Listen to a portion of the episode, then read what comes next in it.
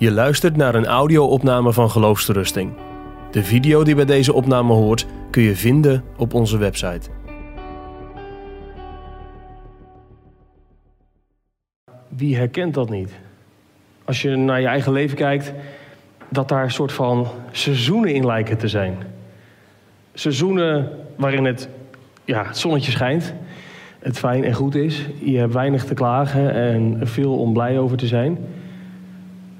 Maar ook wel seizoenen, momenten, tijden, periodes. Soms is het weken, soms maanden en soms zelfs jaren.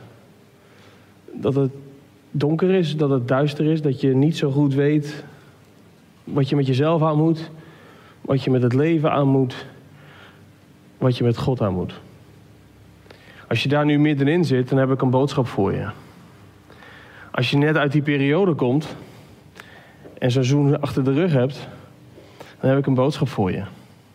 En als je zegt, Marcel, ik heb geen idee waar jij het nou over hebt, dan heb ik een boodschap voor je. Ik ben blij dat je ingeschakeld bent. En ik, ik vermoed dat je de vragen die ik je nu ga noemen, dat je ze zult herkennen. Of dat er een dag komt dat je ze herkent. Zo'n vraag als waar is Gods genade nou eigenlijk in mijn leven? Waar, is die vaderlijke hand op mijn schouder die me bemoedigt en helpt? Ik sta er verdraaid alleen voor. Wie houdt mij vast? Wie helpt mij? Wie ziet me nu eigenlijk werkelijk staan en weet hoe het echt met me gaat? Waarom weten pijn, moeite, verdriet, vragen, gewoon chaos, ruis in mijn bovenkamer. Waarom weet dat altijd weer koers te vatten naar mijn hart? En als ik om me heen kijk, lijkt het bij anderen best wel lekker te gaan. Waarom krijg ik het gewoon niet gefixt? Hoe kun je vrolijk in de Heer zijn? Je hebt van die zulke blije vogels. Altijd blij. Is, is er iets mis met mij? Dat ik dat niet heb, dat ik daar niet bij kan, dat ik dat niet vatten kan? Geloof ik dan misschien niet genoeg? Waarom voel ik me zoals ik me voel? En waarom mis ik vreugde? Daar wil ik het met je over gaan hebben. Over, over een hart dat zo voelt. Een hart wat een beetje verdwaald is. Een hart wat snakt naar vreugde. Eh, mijn drijf vanavond om hier iets tegen je te zeggen komt uit 2 Korinthe. In die zin, uh, je zult denken, ja, dat hebben Gerco en Marcel mooi afgestemd met elkaar. Nou, eigenlijk niet. Uh, dat is echt zo gestuurd dat ook ik bij 2 Korinthe 1 begin. En als je kijkt naar de context van, van 2 Korinthe, sowieso naar de, hele gemeente van Korinthe, de brieven die ernaar geschreven zijn, dan is daar een hoop aan de hand in Korinthe. Laat ik dat eerst even zeggen voordat we die tekst beluisteren. Er is een hoop wat niet pluizen is daar. En, en Paulus wint er in zijn brief richting de Corinthiërs niet bepaald doekjes om. Nee, niet doekjes erom binnen, mes erin. Hij, hij, het is hem duidelijk. Dit moet aangekaart worden, dit moet besproken worden, dit kunnen we niet laten glippen. Met de zonde moet gebroken worden, radicaal. Kappen ermee. Geen seconde langer aan de hand houden. En Paulus is daar vrij duidelijk over en vrij straightforward. En, en, en wat hij zegt in, 1, in 2 Korinthe 1 vers 24 is... Ik, ik, ik, ik heb veel gezegd, ik heb veel geschreven. Ik wacht even om jullie te bezoeken. Alsof hij, dat staat er niet zo, maar je krijgt die indruk... alsof hij de gemeente tijd wil geven om ja, tot bedaren te komen. Tot bezinning te komen, tot bekering te komen. Om te gehoorzamen. Om te luisteren naar datgene wat Paulus gezegd heeft. Waar ging het nou Paulus om dan in die Korinthe-brief? Wat is zijn drive toen, daar? En uh, toen ik het las, dacht ik, ja, maar dat is eigenlijk ook mijn drive hier nu vandaag, via deze livestream. 2 Korinthe 1, vers 23. Ik roep God aan tot getuige over mijn ziel dat ik om u te sparen niet weer naar Korinthe ben gegaan. Ik heb even een pas op de plaats gemaakt. Het leek me nu wijs dat ik even mijn gezicht niet, niet, niet liet zien. Niet dat wij heersen over uw geloof, maar wij zijn medearbeiders aan uw blijdschap. Want u staat vast door het geloof. Vreugde, blijdschap, vrolijkheid. Als je dit leest van Paulus, ook denk het aan die context die best wel spannend is, gemeente van Korinthe, is één ding wel heel duidelijk. Vreugde, blijdschap, vrolijkheid is niet een soort accessoires in je leven. Van een soort, soort, je hebt christenen en die hebben de bonusdeal te pakken, die hebben ook nog vreugde.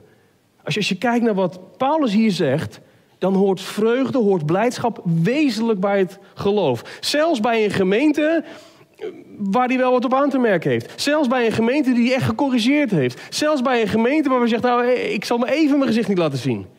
Maar, maar, maar, maar in de ontmoeting met jullie via de brief of face-to-face... wil ik een medearbeider zijn van de blijdschap. Wil ik jullie dienen. Dat raakt het hart van christen zijn. Als het Paulus en zijn apostolische bediening al tekent en kleurt, dat, dan moet dat jouw en mijn leven ook tekenen en kleuren. Dat het om vreugde gaat. Dat is niet een issue in de marge. No way. Dat is, dat is een kernzaak van christen zijn. En het zijpelt uit de hele Bijbel erdoor.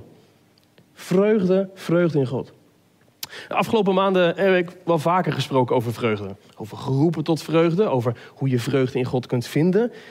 Um, als dit een onderwerp is wat je aanspreekt, moedig ik je aan om, om deze lezing als een uh, drieluik te zien en, en, en die andere ook eens beter pakken. Om echt je nog meer te verdiepen in datgene wat God zegt over vreugde.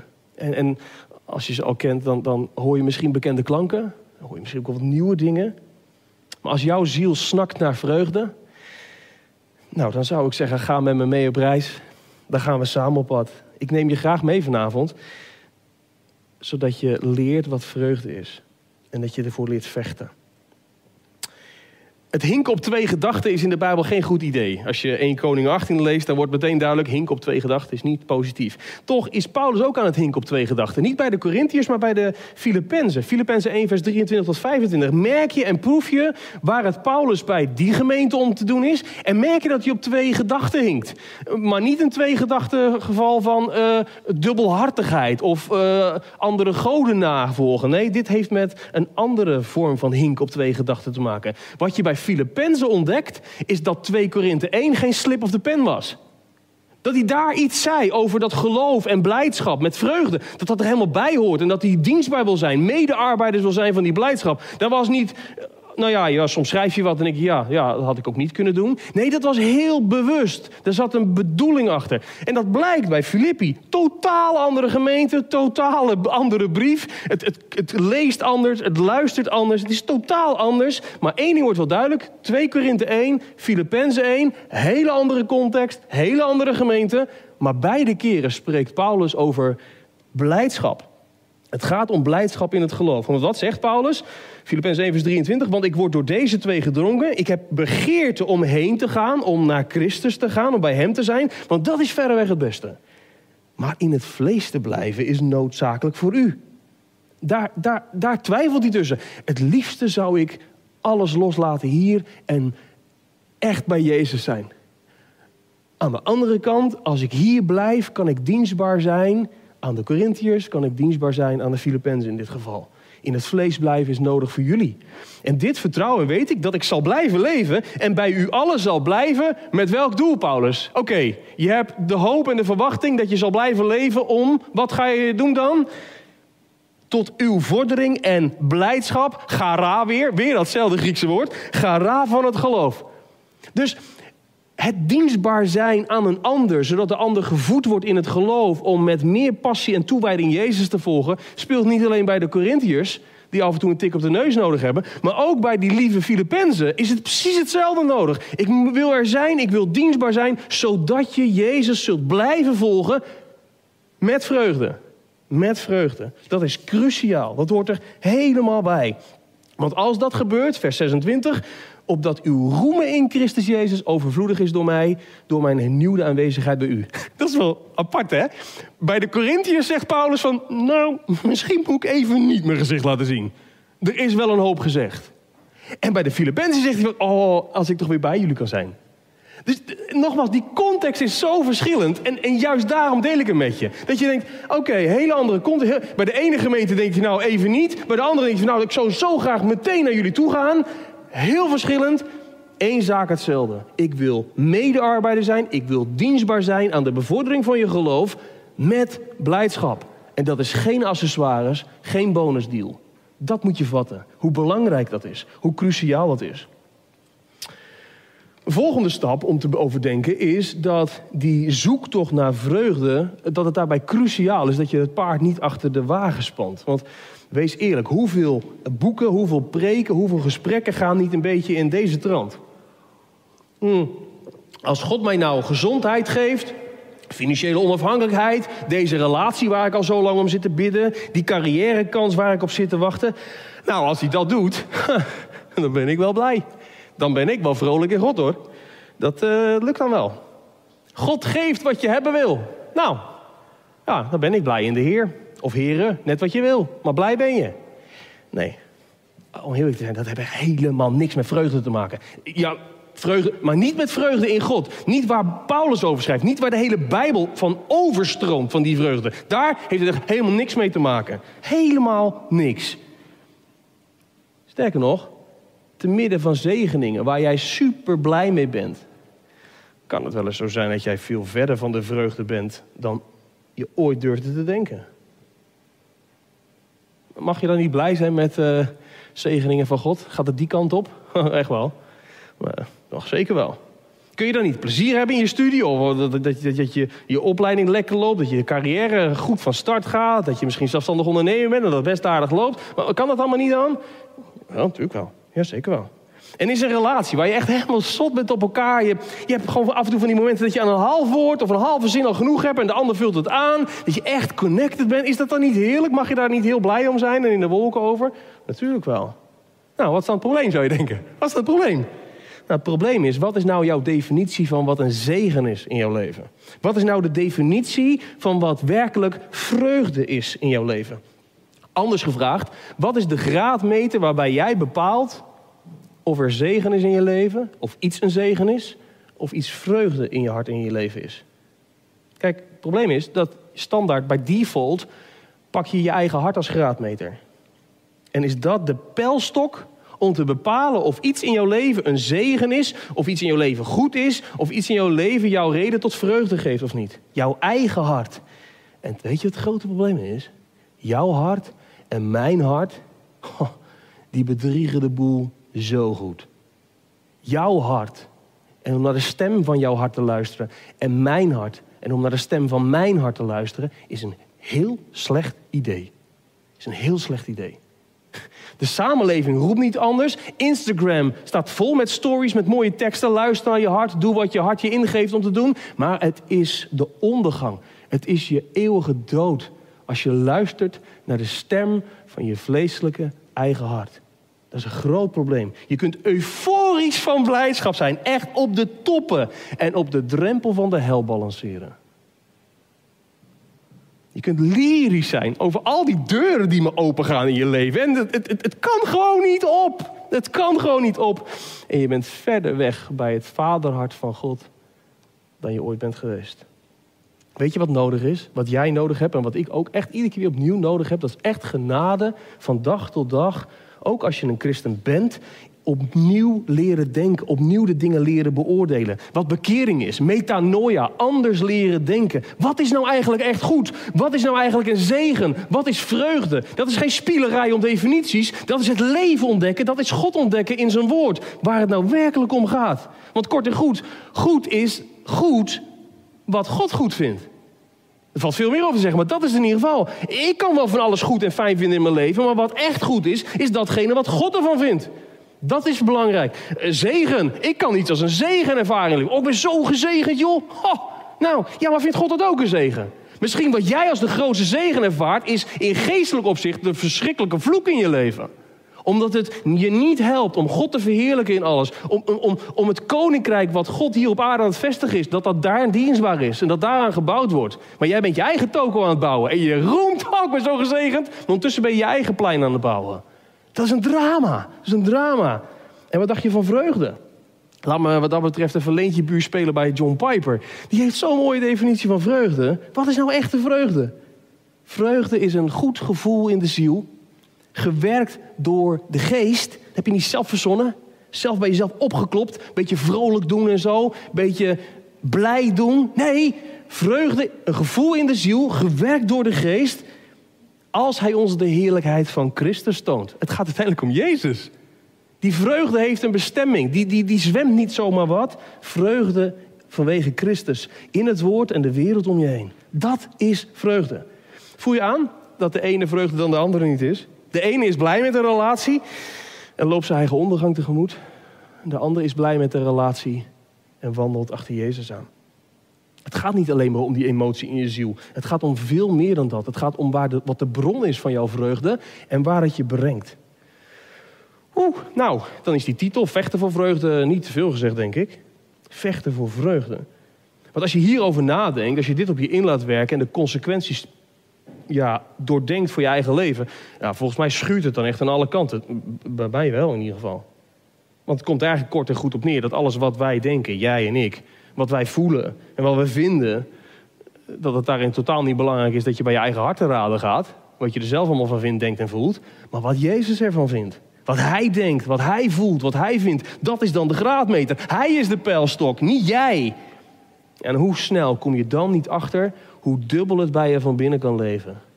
Hoe het in de krochten van je ziel kan spoken, kan ruisen en kan stinken. Zelfs als je een christen bent. Misschien nog wel beleidnis gedaan ook. Wat is nodig? Dat het licht aangaat. En jij denkt, nou, laat het licht daar maar schijnen, maar niet hier. Niet dat echt alles in, in, in de schijnwerper staat. Dat moet ik niet hebben. En toch klinkt het vanuit het evangelie naar je toe. Ontwaak jij die slaapt en sta op uit de dood en Christus zal over je lichten. Efeze 5 vers 14. Word wakker, laat je verlichten. Kom tot Christus, kom werkelijk tot vreugde. En als je dan geestelijk wakker geworden bent, als de geest van God je heeft wakker gemaakt en heeft doen ontwaken, dan ontdek je het geheim van wat christelijke vreugde is. De vreugde in God die, die niet aan tijd, plaats, persoon of, of een ding verbonden is, maar vreugde in God, vreugde, vreugde in Christus, die zo puur alleen verbonden is met Jezus, dat je niks anders meer nodig hebt. En dat is een geheim, dat is een mysterie, dat ga je alleen in het geloof ontdekken. Opeens heb je geen studie meer nodig. Heb je geen lekker lopende relatie meer nodig. Heb je geen romantiek meer nodig. Heb je geen toffe carrièrekansen meer nodig. Heb je geen geweldige opleiding meer nodig. Heb je geen toffe vriendengroep meer nodig. Opeens heb je dat niet meer nodig. Terwijl het allemaal mooi en goed is. Allemaal mooi en goed. Maar opeens ontdek je op de bodem van mijn ziel leeft een diep verlangen. En als alles mij gestolen wordt, snakt mijn ziel naar Jezus. Daarin, in Hem, de vreugde van Christus is mijn kracht. Daar moet ik het van hebben. Dat moet ik iedere keer weer ook tegen mijn eigen ziel roepen bij tijden. Want ik ben soms zo doof. Ik laat me zo beheppen door van alles en nog wat. Maar mijn anker ligt veilig vast bij Jezus. Alleen in Hem ben ik werkelijk geborgen. Alleen door Hem is mijn vreugde zeker. Zeker, vandaag en morgen. Wat God me belooft, dat is mijn houvast. Dat is mijn redding. Wat Hij zegt, dat is mijn vaste grond. Wat Hij doet en wat Hij me aanzegt, dat geeft vreugde. En dat alleen. Romeinen 8 werd door Gerko al gelezen. Ik wil ook met je lezen. Romeinen 8, vers 31. Wat zullen we dan zeggen? Als God voor ons is, wie zal dan tegen ons zijn? Hoe zal Hij, die zelfs zijn eigen zoon niet gespaard, maar voor ons allen heeft overgegeven, ons ook met Hem niet alle dingen schenken? En wie zal er beschuldigingen inbrengen tegen de uitverkorenen van God? Want God is het die rechtvaardigt. En niemand anders heeft er wat over te zeggen. En als het gaat over verdoemenis, wie verdoemt er dan? Wie stelt achter? Wie schuift weg? Wie uitrangeert jou? Christus is het die gestorven is. Ja, wat meer is, die ook opgewekt is, die ook aan de rechterhand van God is, die ook voor ons pleit. Wie zal ons scheiden van de liefde van Christus? Verdrukking, benauwdheid, vervolging, honger, naaktheid, gevaar, zwaard. Want er staat geschreven, want omwille van u worden wij de hele dag gedood. We worden beschouwd als slachtschapen. Maar in dat alles, omstandigheden kunnen verschrikkelijk zijn.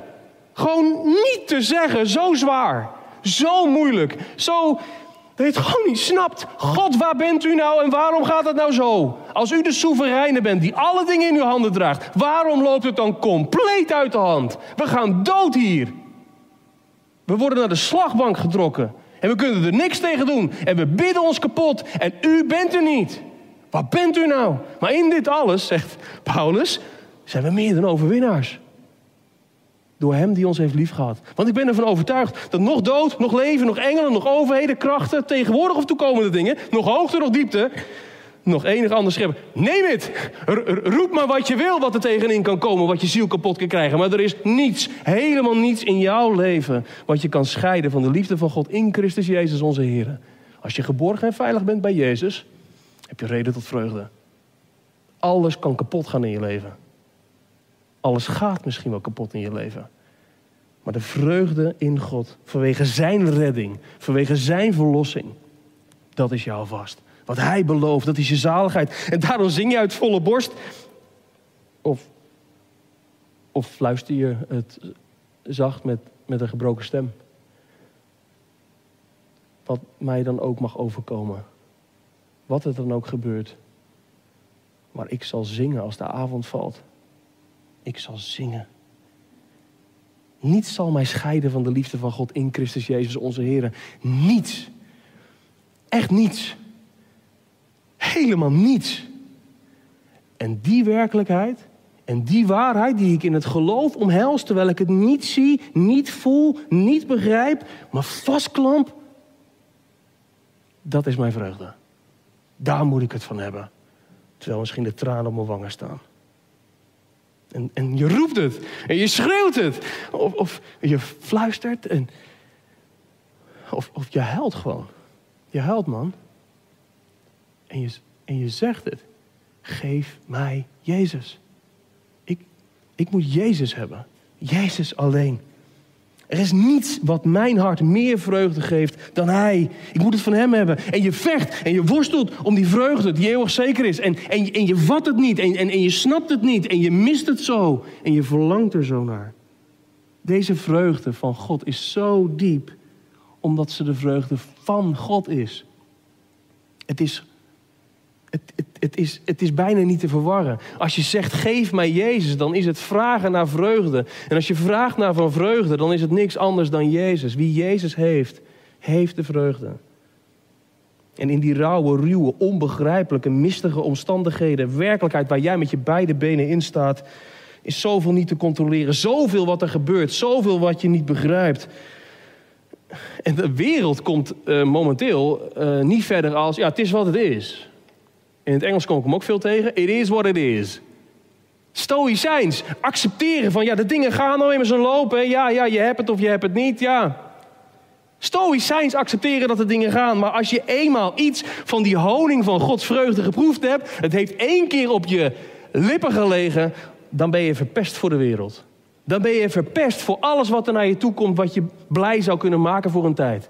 Je weet, er is meer. Er is meer. Het is als longen die snakken naar adem, terwijl je luchtpijp wordt dichtgedrukt. Je, je kunt het niet helpen dan dat je snakt naar adem.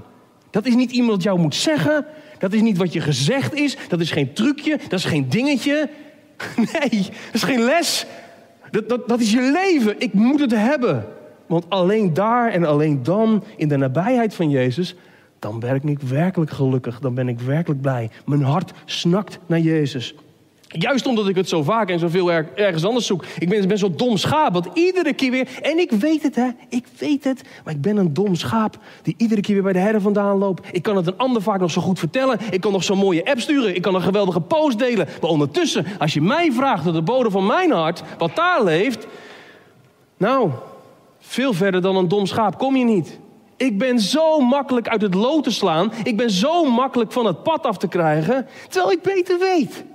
En uiteindelijk op al die andere plekken vind ik het ook nooit. En dat weet ik eigenlijk al vanaf het begin. En toch, die verleiding neemt me zo vaak te grazen en te pakken. Hij, Jezus, die geeft werkelijk vreugde. En ik moet het leren en ik wil het leren. En zeg het me dan maar. Help me alsjeblieft. Want het kost me zoveel moeite om echt bij de bron te blijven. Om dicht bij Hem te blijven.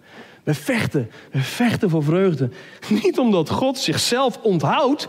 Maar omdat wij bij Hem weglopen en van Hem afdwalen. We, we vechten voor vreugde. Niet omdat God zo, zo moeizaam te vinden is. Maar omdat wij iedere keer op allerlei plekken zoeken waar Hij zeker te weten niet is. We vechten.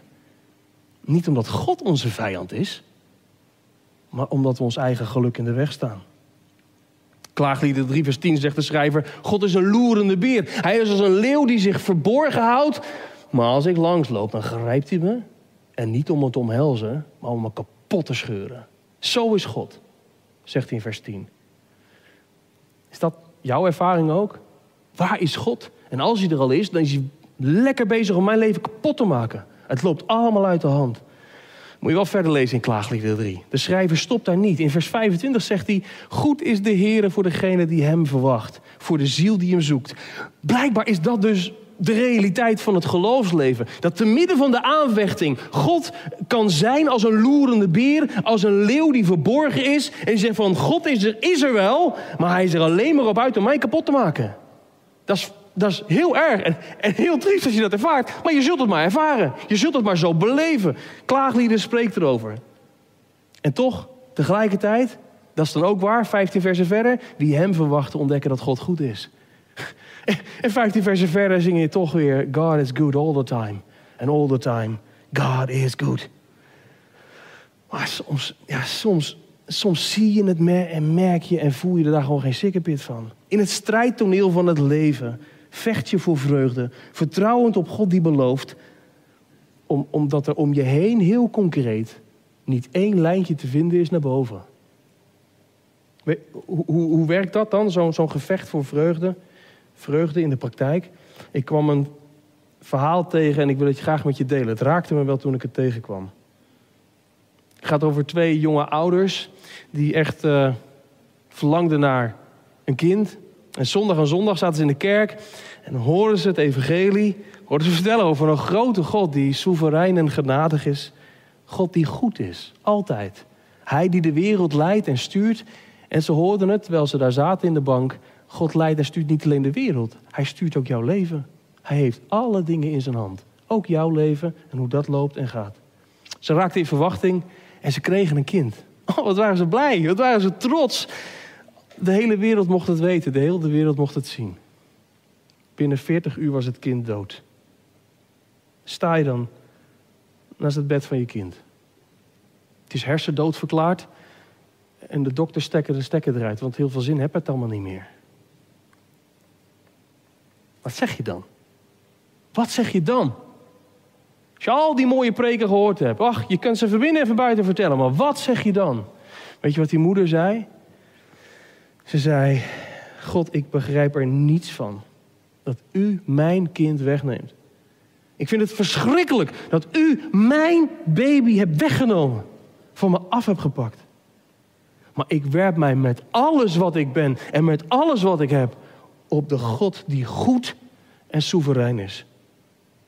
De Heer heeft gegeven, hij heeft ook genomen, God zij geloofd. Dat is vechten voor vreugde. Het geheim van vreugde in God vinden in de puinhopen van je leven, dat laat zich niet verklaren. Dat is niet een rekensom. Dat laat zich ook helemaal niet beredeneren. Het is ook helemaal niet logisch. Het is helemaal niet begrijpelijk. Je kunt het helemaal niet snappen. De wereld verklaart je compleet voor gek.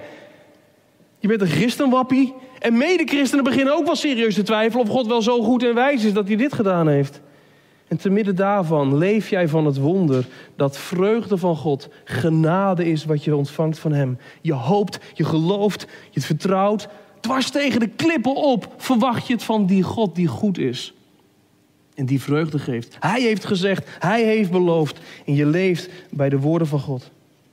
En als dat hopen en dat geloven dan niet lukt, dan snakt je ziel, oh God, help, geef me uzelf, want ik ga dood van verdriet, ik ga dood van de pijn. Het is een vechten voor vreugde vanwege de tranen van gebrokenheid en van teleurstelling. Daar heeft Paulus het ook in 2 Korinthe 6 over. Als hij het heeft over het volgen en het dienen van de Heere God. Hij zegt daarover, en dat is zo treffend. Hij zegt dat volgen van Jezus, hem dienen, dat is, hij zegt daar meer over, maar één ding zegt hij, als bedroefden, maar toch altijd verblijd. Dat, dat is het gegeven. Je gaat bedroefd door het leven, want er is zo ongelooflijk veel teleurstelling in het leven. Er is zoveel pijn, verdriet, onbegrip. Echt, als je goed kijkt naar je eigen leven en naar de mensen om je heen, dan kun je iedere dag wel janken. Er is zoveel wat stuk gaat. Er is zoveel wat kapot gaat. En tegelijkertijd, zegt Paulus, bedroefd en toch altijd verblijd. Vanwege vreugde in God, vanwege de goedheid van God, vanwege de trouw van God, vanwege die toekomst vol van hoop waar je het van hebben moet, vanwege de God die het gezegd heeft. Juist toen het het moeilijkst was, zag je Hem. Leerde je God kennen, zoals je hem nog niet eerder kende. Ik sluit af met mijn favoriete psalm. Psalm 37, vers 4. Zo'n heerlijk vers. Schep vreugde in de Here dan zal Hij je geven wat je hart verlangt. Dat is geen aanmoediging om snel naar boven te lopen om je wensenlijstje te gaan halen. Het vers duwt je ook niet de richting op van welvaartsevangelie, waarin God een soort van de grote EHBO-kit is die al jouw problemen oplost als jij in de trouble zit. Of God jouw winnende lot uit de loterij. Dat is het allemaal niet. Lees nou eens goed. Kijk nou eens wat er staat. De volgorde van dit vers doet er namelijk toe. Schep vreugde Het gaat om vechten voor vreugde met je hele ziel. Door eerst vreugde te scheppen. Dat is geen heppende peppy vrolijkheid. Het is echte, diepe, blijvende vreugde. En die is alleen te vinden volgens de psalmist in God. Schep vreugde in God. Wees werkelijk blij met God. Wees werkelijk tevreden met God.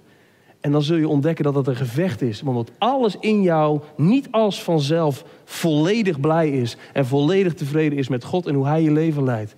Dat is een knokken. Oh God, win me in voor u. Laat me volledig één zijn met u. Laat me vol zijn van u. Dat heb ik nodig. Want daar schuurt het iedere keer weer. We zijn zo snel van huis verdwaald. En ook als wedergeboren christen trekken we zo makkelijk ons oude kloffie weer aan. En doen we waar we voorheen zo super goed in waren. Dat is zondige en lekker je eigen ding doen. Living your best life now. Maar de psalmist zegt, schep vreugde in God. Want dan stroomt je hart over. Dan krijg je, zegt de psalmist, wat je hart verlangt. Dat vernieuwde hart, wat overstroomt van vreugde, omdat God het mooiste geeft wat hij maar geven kan. En hij geeft je, volgens Psalm 37, wat jij het allerliefste wilt hebben. Wat God je belooft is je redding. Hoef je geen verlanglijstje voor te halen. Als God aan jou vraagt, hé, hey, als ik jou nou vraag wat jij het allerliefste wil hebben, wat wil je dan hebben? Je krijgt het. Wie vreugde schept in God, krijgt God. Wat wil je nou het allerliefste? En God vraagt het aan je. En je hoeft niet eens na te denken. En je zegt dat, Heere God, het allerliefste wil ik u. Ik heb u nodig in alle dingen. Ik wil bij u zijn. En ik wil dat u mijn hele hart verovert. Iedere keer weer opnieuw. En dat uw vreugde en uw vrede mijn gebroken, kwetsbare, verwarrende hart iedere keer weer opnieuw vervult. Ik heb u nu nodig, hier. En God zegt het je in de hele Bijbel, in 7, Psalm 37, maar de hele Bijbel door. Ik beloof het je, zegt hij. Ik zal geven wat je verlangt. Reken maar. Dankjewel.